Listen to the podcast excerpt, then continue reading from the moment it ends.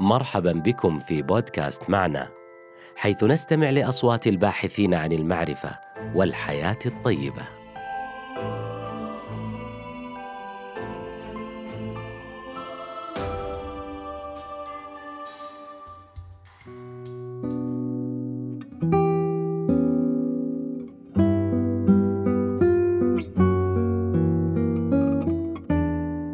اللحظة وحتى نهاية البودكاست يعني خلال العشر دقائق القادمة 150 طفل سيموت بسبب الفقر حول العالم.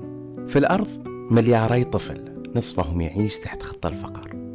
ملياري طفل يعني 2000 مليون طفل يعيشوا في عائلة دخلها لا يتجاوز 300 ريال في كامل الشهر. نعرف من الكثير من الدراسات الآن أن الفقر مرتبط بالجريمة بالأمراض بانخفاض المهارات اللغوية بانخفاض معدل الذكاء بالأمية بضعف الجهاز المناعي وبالموت وبعشرات المؤشرات الكارثية. المشكلة غالبا إذا ولد الفرد في عائلة فقيرة فسيبقى طيلة حياته فقيرا وسيورث الفقر لأبنائه ليكونوا فقراء كذلك وأحفادهم سيقبعون في نفس الفقر وهكذا. فقط ثلاثة من كل عشرة فقراء يستطيعون الهرب والنجاة من هذا الوحش الضارب الذي يغذي نفسه بنفسه. ولكن كيف نستطيع أن نكسر دائرة الفقر؟ هل لتركيبة الدماغ العصبية دور في ذلك؟ ولكن كيف يستطيع أحدهم تغيير حاجة معقدة مثل الدماغ؟ أنا محمد الحاجي معكم في منصة معنا لفهم حياتنا اليومية عبر مفاهيم علم النفس والمجتمع.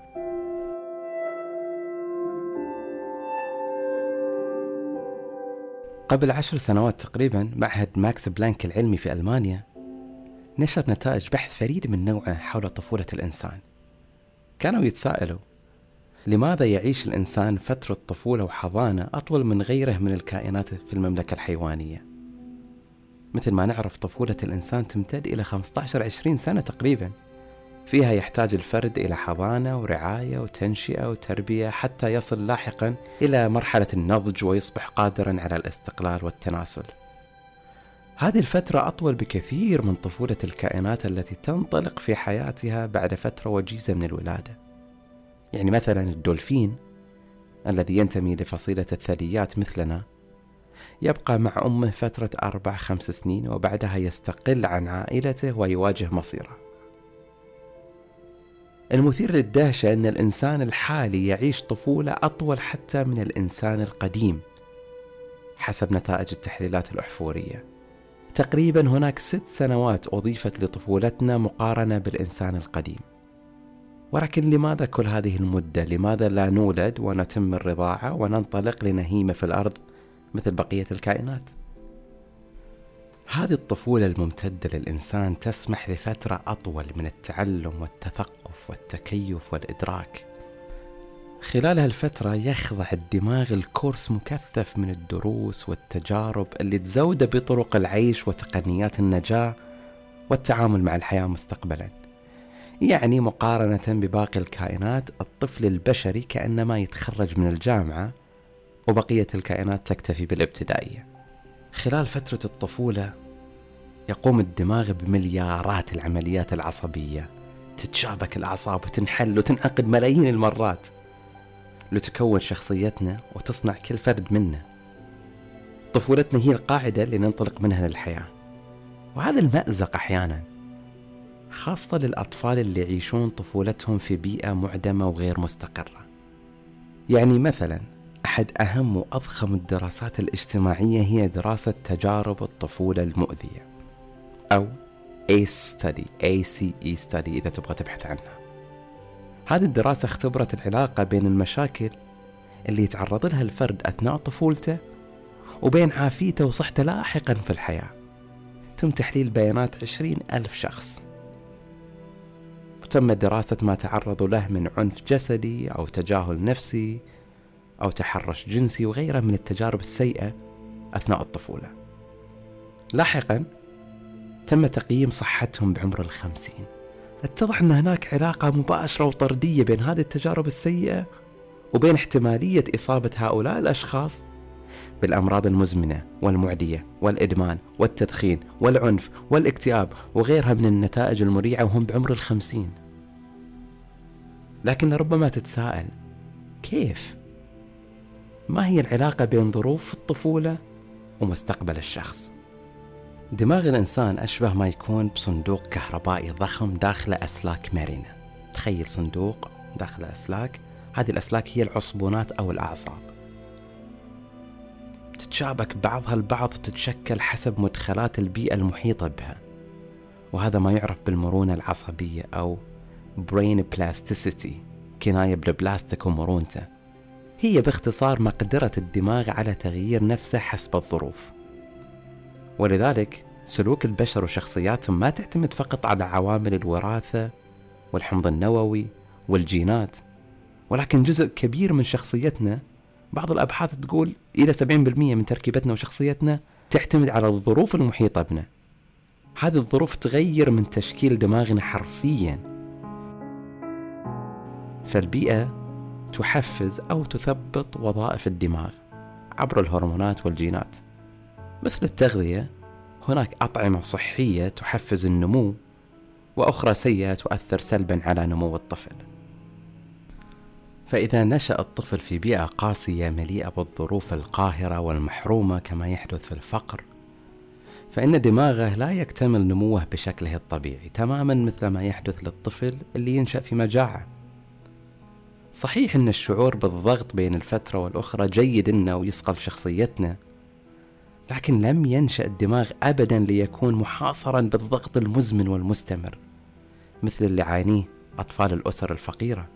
هذا الضغط يدمر النمو الطبيعي لأدمغة الأطفال ويخل توازنهم ويخليهم في حالة ترقب وقلق حاد بعيدا عن حالة الإثراء والارتقاء الطبيعية اللي المفروض أي طفل يعيشها. في هذه البيئة المحرومة تدفق الدم للدماغ يتضاءل وكمية الأكسجين كذلك تقل وعدد الموصلات العصبية ينكمش كثيرا. فيفقد الطفل العديد من المهارات والوظائف الإدراكية اللي تساعده في خوض الحياة. فكما نعرف الآن مخ الإنسان يتكون من مناطق متعددة منطقة تهتم بالتفكير بعيد المدى منطقة ثانية مهتمة بالتحليل اللغوي منطقة بالذاكرة وتحديد الأولويات وضبط النفس وغيرها من الوظائف المهمة. كل هذه المهارات تتعرض إلى التهديد والتثبيط والضعف في البيئات الفقيرة بسبب الضغط المزمن والتحديات القاهرة اللي تعطل نمو الدماغ وخلاياه مثلا 40% من الأطفال الذي يعيشون في فقر مستمر لديهم قصور معرفي كبير في مجال اللغة والاستجابة للانفعالات. هذا طبعا يهدد نجاحهم التعليمي والاجتماعي. بالإضافة لهذه المشاكل الإدراكية ظروف الفقر وضغوطاتها تنهش النفس والوجدان والعاطفة فتنشأ مشاكل انعدام تقدير الذات والقلق المزمن وغياب الأمان وتدني الثقة. بل أن الفقر منبئ أساسي للاكتئاب في سن المراهقة. نعرف أن الإنسان يولد بست مشاعر أصيلة مثل الغضب والدهشة والحزن يعني كل إنسان يولد في العالم يولد ولديه هذه المشاعر. ولكن في استجابات ومشاعر كثيرة لا تأتي إلا بالتعلم والمحاكاة مثل التعاطف والامتنان والتفاؤل. عادة الأطفال اللي ينشأوا في أسر فقيرة ينحرموا من تعلم هذه الاستجابات بسبب الضغوط الحياتية على جو الأسرة وعلى الوالدين. فينشأ الطفل بمخزون شحيح من المهارات الاجتماعية والقدرات الشخصية لمواجهة الحياة. وبسبب هذه المشاعر السلبية والإحباط المزمن يتزايد شعور الاستسلام وفقدان الاهتمام بالمحاولة حتى وهنا ينشأ شعور حاضر بالعجز المكتسب. مسألة الفقر معقدة جدا ومتعددة الأوجه والأسباب، وإن كان أغلبها يتعلق بالنظام الاجتماعي والسياسات العامة في البلد. مشكلة الفقر الكبرى أنه يورث، والهروب منه ليس بالمسألة الممكنة للكثيرين. ففي دائرة شيطانية يتم توارثها جيلا بعد جيل. خذ مثلا بسبب الفقر وشح الموارد يضطر الأب مثلا للعمل لساعات طويلة في مهنة شاقة لتأمين لقمة العيش مما يجعل حضوره الجسدي والعاطفي في المنزل محصور في مدة وجيزة لأنه تعبان طول اليوم هذا الغياب يضعف الرابطة الوجدانية مع الأطفال ويضعف الاهتمام والرعاية ويولد شعور بالعزلة والحرمان وعدم الاستقرار العاطفي اللي ممكن يترك جرح نفسي عميق لدى الطفل يمتد معه طيلة عمره. الفقر أيضا يحرم الأطفال من فرص الإثراء المعرفي فبسبب ضعف الإمكانيات المادية ما يستطيع هؤلاء الأطفال المشاركة في أنشطة ثقافية ترفيهية مثل زيارة المكاتب والاشتراك في الدورات الدراسية. فلذلك تجدهم يقضون عادة وقت أطول أمام التلفزيون ووقت أقل في القراءة والتخاطب مع البالغين والاستكشاف النافع. هذا يضعف المهارات اللغوية والوظائف الإدراكية مما يعني أن هناك صعوبات في التعلم وتدني التحصيل الدراسي. وهذا ينهي على آمالهم للالتحاق بالجامعة وربما عدم الاهتمام أصلا بالمدرسة والتسرب منها. وهكذا ينشأ الطفل بفرص نجاح أقل بكثير من أقرانه الميسورين. فيضطر للعمل في مهن شاقة وساعات عمل طويلة مثل ما حدث لوالده تماما وتستمر الدائرة. هذه طبعا آلية واحدة لكن هناك عشرات الآليات اللي تعيد صناعة الفقر.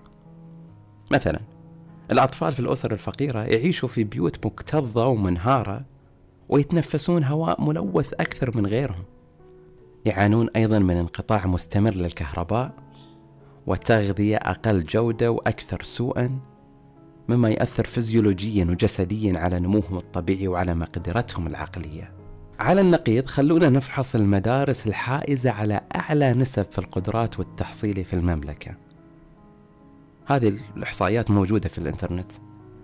نجد أن أغلب هذه المدارس إما مدارس أهلية أو دولية يعني شبه محصورة لأبناء العوائل الميسورة اللي تقدر تدفع تكاليف رسوم الدراسة الباهظة ورسوم المعلم الخاص ورسوم الدورات التأهيلية لهذه الاختبارات. فجزء معتبر من نتيجة تفوق هؤلاء التلاميذ يعود للطبقة الاجتماعية اللي جو منها. ويعود للموارد المادية الوفيرة المتاحة لهم.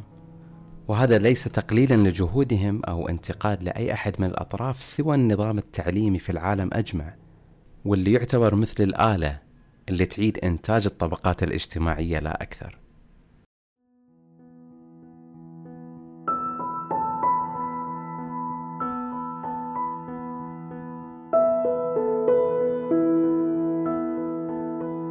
طيب ما الحل؟ ما هو المخرج من دائرة الفقر الشيطانية؟ هل في حلول لتحسين حالة اللامساواة هذه؟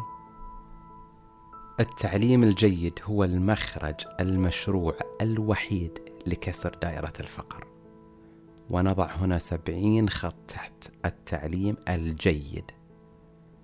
مثل ما ذكرنا بنية الدماغ بلاستيكية تتشكل حسب الظروف المحيطة إيجابا وسلبا. تحفيزا أو تثبيطا. فلذلك التعليم الجيد قد يصلح ما أفسده الفقر ويعوض شح الموارد الاقتصادية والطبيعية. على الرغم أن عوامل النجاح الأكاديمي متعددة وكثيرة إلا أن هناك عوامل أساسية وجذرية ذات تأثير خاص في تغيير التلاميذ اللي يعيشون وينشؤون في بيئات فقيرة. نعرف هذه العوامل والاستراتيجيات بدراسات رصينة متراكمة وتجارب عديدة تشير إلى وجود أمل وضوء في هذا النفق المظلم. وهذه مهمة ملقاة على المعلمين والنظام التعليمي وصناع القرار اولا وقبل أي أحد. وهنا نستعرض بعض الاستراتيجيات اللي ممكن نطبقها. ينبغي اولا تعميق فهم المعلمين حول موضوع الفقر وبنية الفقر وسلوكياته. مثل الكلام اللي سولفنا فيه في البداية كيف يتأثر التلميذ بالفقر؟ نعمل ورش عمل حلقات مناقشة لفهم السلوكيات وتشخيص الطفل اللي يحتاج التدخل فإذا فهمنا كل هذه التفاصيل نستطيع تغيير ذهنية المعلم تجاه الأطفال هؤلاء وبالتالي تتغير اللغة. من لغة العجز والشفقة واليأس والإحباط من الطلاب إلى لغة تفهمهم أولا تحفزهم تدعمهم وتمكنهم لإبراز أفضل ما لديهم من طاقات وإمكانيات. أيضا بسبب شح المهارات الاجتماعية اللي سببها الفقر مثل ما ذكرنا بيكون من المفيد جدا أن يتم بناء هذه المهارات الاجتماعية ضمن الأنشطة الصفية واللا صفية حتى تعوض ما يفقده هذا الطفل في المنزل. فتكون هناك حصص ودروس حول وضع الأهداف حول مهارات ضبط الانفعالات حول مهارات حل النزاعات والمشاكل مهارات بسيطة مثل الاحتفال والشكر. وهذه المهارات تكون عبر روتين يومي في المدرسة ليست حصة يتيمة في الشهر مثلا.